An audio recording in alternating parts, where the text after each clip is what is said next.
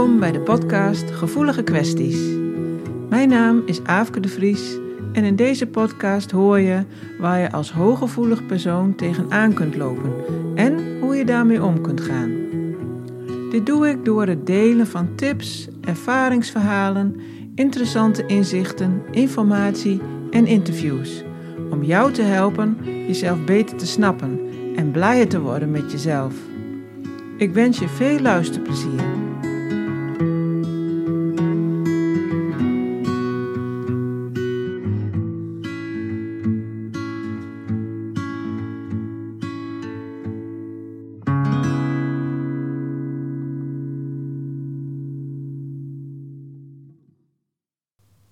Eerder een aflevering gemaakt over emoties, maar ik kreeg de vraag of ik er nog een keer aandacht aan wou besteden. En ik ga het deze keer in vieren splitsen. Ten eerste, wat doe je als je een emotie van iemand anders voelt? Ten tweede, hoe ga je om met je eigen emoties? Ten derde, wat doe je als je heel snel geëmotioneerd raakt? En ten vierde, hoe ga je om met kwetsing? Dus ik begin met wat doe je als je een emotie van iemand anders voelt? Nou, ik hoor hooggevoelige mensen dat vaak benoemen. Hè, dat ze een gevoel of emotie van iemand anders ervaren of zelfs overnemen. Nou, als dat gebeurt en je voelt duidelijk dat het niet je eigen emotie of spanning is en dat je daar dus ook niet iets mee hoeft, dan zou ik adviseren om het kwijt te raken door middel van een doorspoeloefening, zo noem ik dat.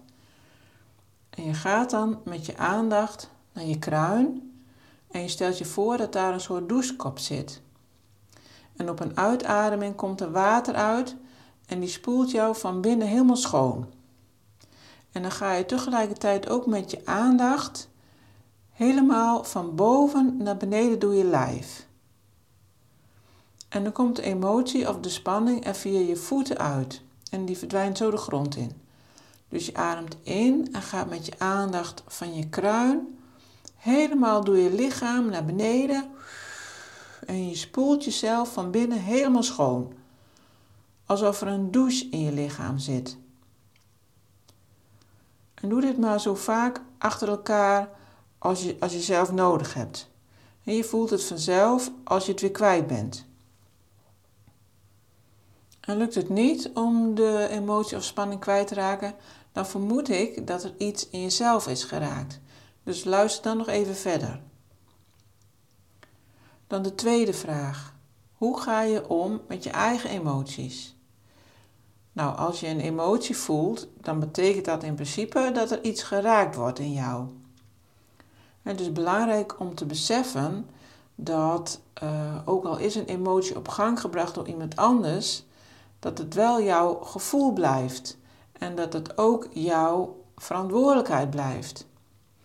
En het gaat er dus ook niet om dat je dat niet zou mogen voelen, maar om wat je ermee doet of hoe je het interpreteert.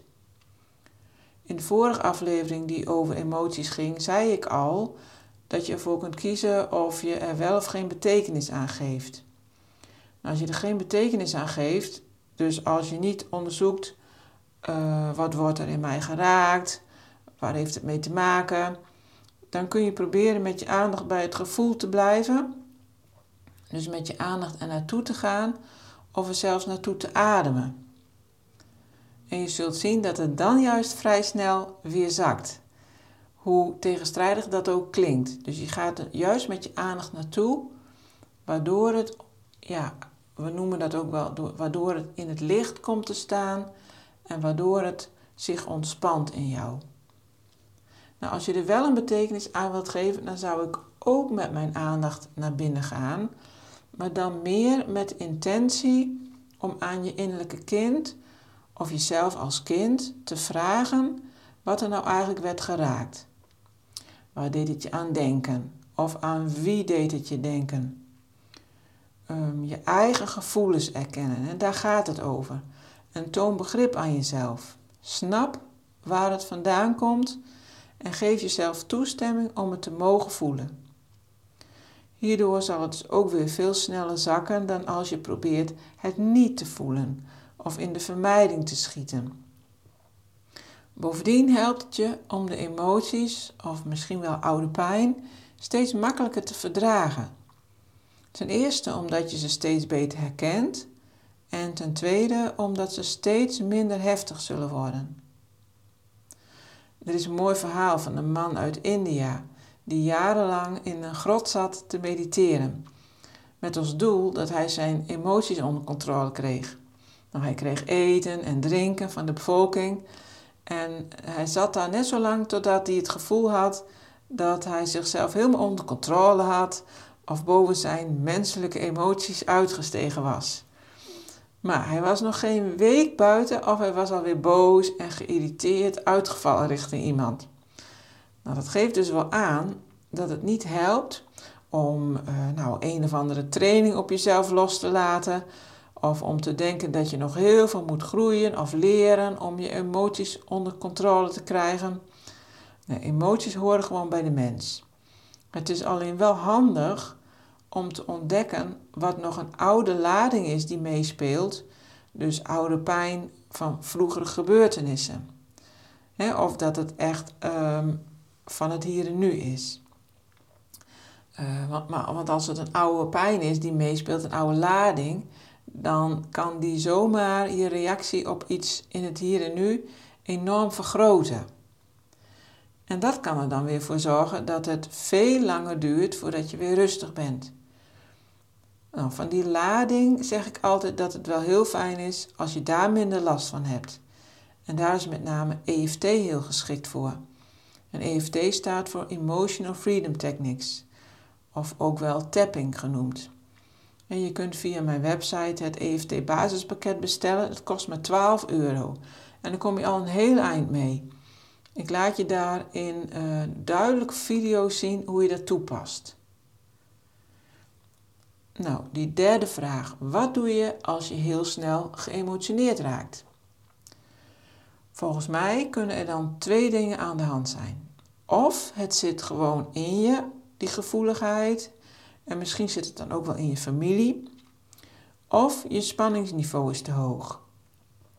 Nou, in het eerste geval komt het volgens mij vooral neer op accepteren dat je zo bent.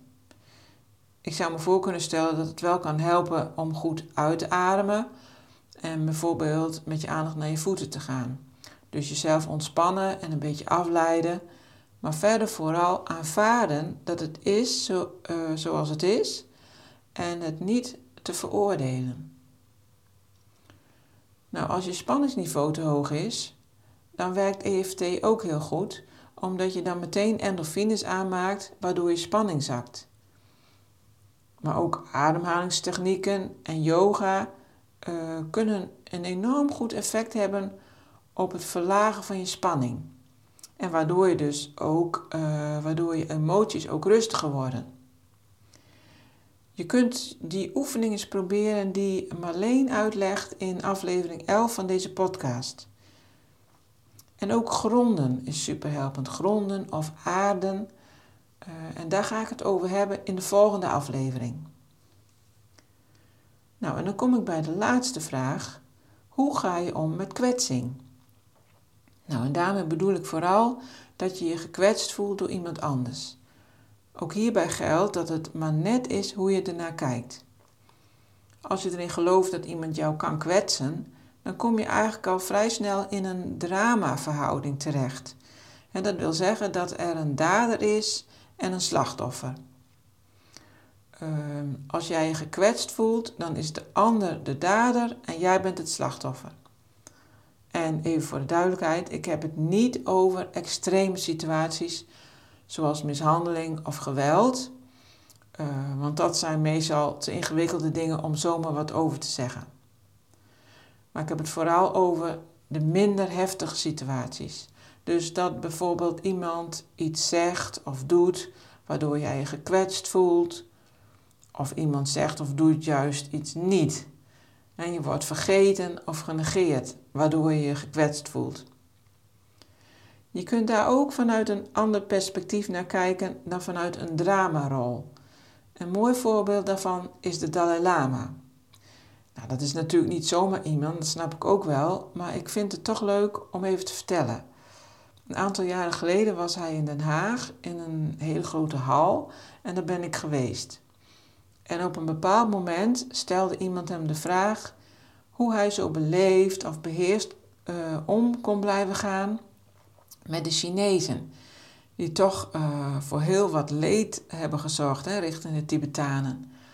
En toen zei hij: Hun daden keur ik niet goed, maar ik hou wel respect voor hen als mens. Nou, niks, geen drama, geen dader of slachtoffer. Hij bleef daar volledig buiten. En dit las ik ook steeds terug in het dagboek van Etty Hillesum. Dat is een Joodse vrouw die uiteindelijk omgekomen is in een concentratiekamp. En ze zei zoiets als: Ze kunnen mij nooit krijgen, want mijn ziel blijft altijd vrij. De woorden waren waarschijnlijk iets anders, maar daar kwam het op neer. En ook de Joodse schrijfster Edith Eger, die al 95 is, geloof ik, en Auschwitz heeft overleefd, die schrijft dat soort dingen. Je kunt filmpjes van haar vinden op YouTube, die zijn heel indrukwekkend. Nou, dit zijn natuurlijk bijzondere mensen, uh, maar ik wil er alleen maar mee zeggen dat er een ander perspectief bestaat. Stel je maar eens voor dat de gebeurtenis uh, waar jij je gekwetst door voelt neutraal is. De kwetsing ligt dus in je voorstelling even niet aan de gebeurtenis of aan die persoon. Die situatie is volledig neutraal.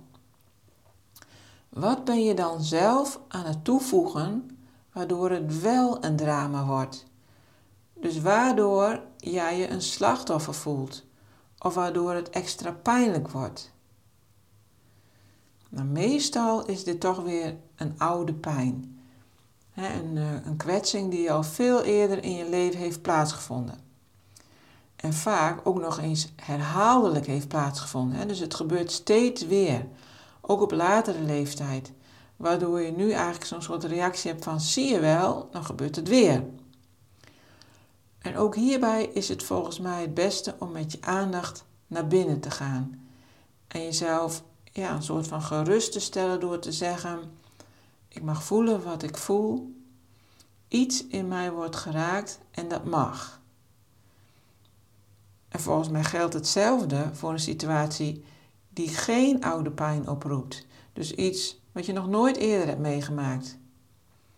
Dus geef jezelf de toestemming, hoe dan ook, om te mogen voelen wat je voelt.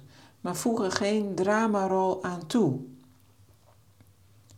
En daarbij is natuurlijk acceptatie heel belangrijk.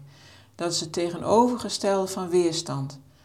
Of bijvoorbeeld het voor elkaar willen krijgen dat het anders is dan het is. Uh, bijvoorbeeld, als iemand jou niet meer wil zien, dan zou je kunnen proberen om er zo naar te kijken zoals de Dalai Lama. Je bent het er misschien niet mee eens en het doet zeer, maar je respecteert de keuze van de ander, hoe moeilijk dat ook is. Niet allemaal dingen toevoegen zoals het ligt aan mij of had ik dit maar nooit gedaan? Of het ligt aan die ander? Of wat moet ik nou doen om dit te veranderen? Want dan wordt het dus alleen maar moeilijker van. En dan blijf je aandacht en energie geven aan de weerstand in plaats van aan de aanvaarding. En er komen kwesties bij zoals schuld. Dan heb jij de schuld of die ander heeft de schuld. En uh, ja, dat, dat is totaal niet helpend. Acceptatie en aanvaarding heb je ook nodig als iemand komt te overlijden. Dat kan ook een vorm van kwetsuur zijn. Hè? Je mag het verdriet voelen, het gemis, de rouw. Maar als je nooit op het punt van acceptatie komt, dan verval je in de dramarol van het slachtoffer. Want door het accepteren neem je de verantwoordelijkheid voor je eigen gevoelens en je eigen verwerking. En dat doe je niet als je in de slachtofferrol zit. Dan ligt het altijd aan iets of iemand buiten je. Maar het is natuurlijk een heel proces en bij overlijden is dat een heel proces. En eigenlijk die andere dingen ook. Het is altijd een heel proces. En niemand kan voor jou bepalen hoe lang je daarover doet.